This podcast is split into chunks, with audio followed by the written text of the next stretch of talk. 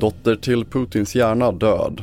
Sverige till final i beachvolleyboll-EM och kvinna avliden efter tågolycka. Det är rubrikerna i TV4-nyheterna.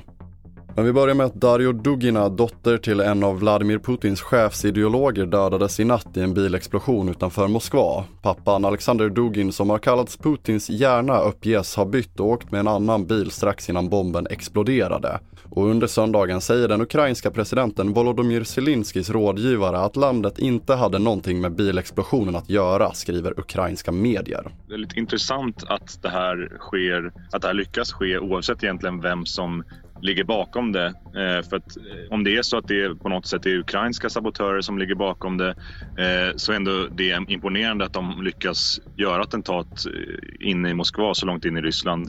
Eh, om det inte är ukrainare, om det snarare är någon slags någon ryssar som är missnöjda med Putin eller sådär så är det också på något sätt intressant för att det visar på att det finns ändå ett, ett missnöje från ryska folket som kanske växer. Det sa Hugo von Essen som är analytiker på Centrum för Östeuropastudier.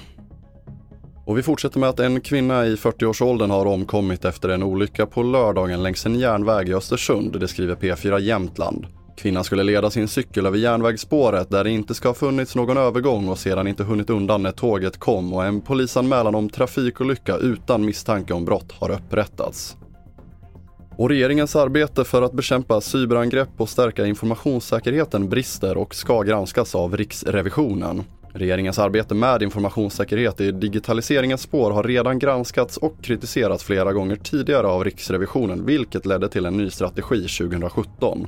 Men trots att det gått fem år så finns problemen kvar inom alla tidigare granskade områden, menar riksrevisor Helena Lindberg. Och vi avslutar med att Sverige är sensationellt klart för final i beachvolleyboll-EM i München. David Åman och Jonathan Helvig besegrade de regerande OS, VM och EM-mästarna från Norge under söndagen och i EM-finalen som spelas senare ikväll väntar Tjeckien som besegrade Polen i den andra semifinalen. Och det sätter punkt för TV4-nyheterna. Fler nyheter hittar du som vanligt på tv4.se. Jag heter André Meternan Persson.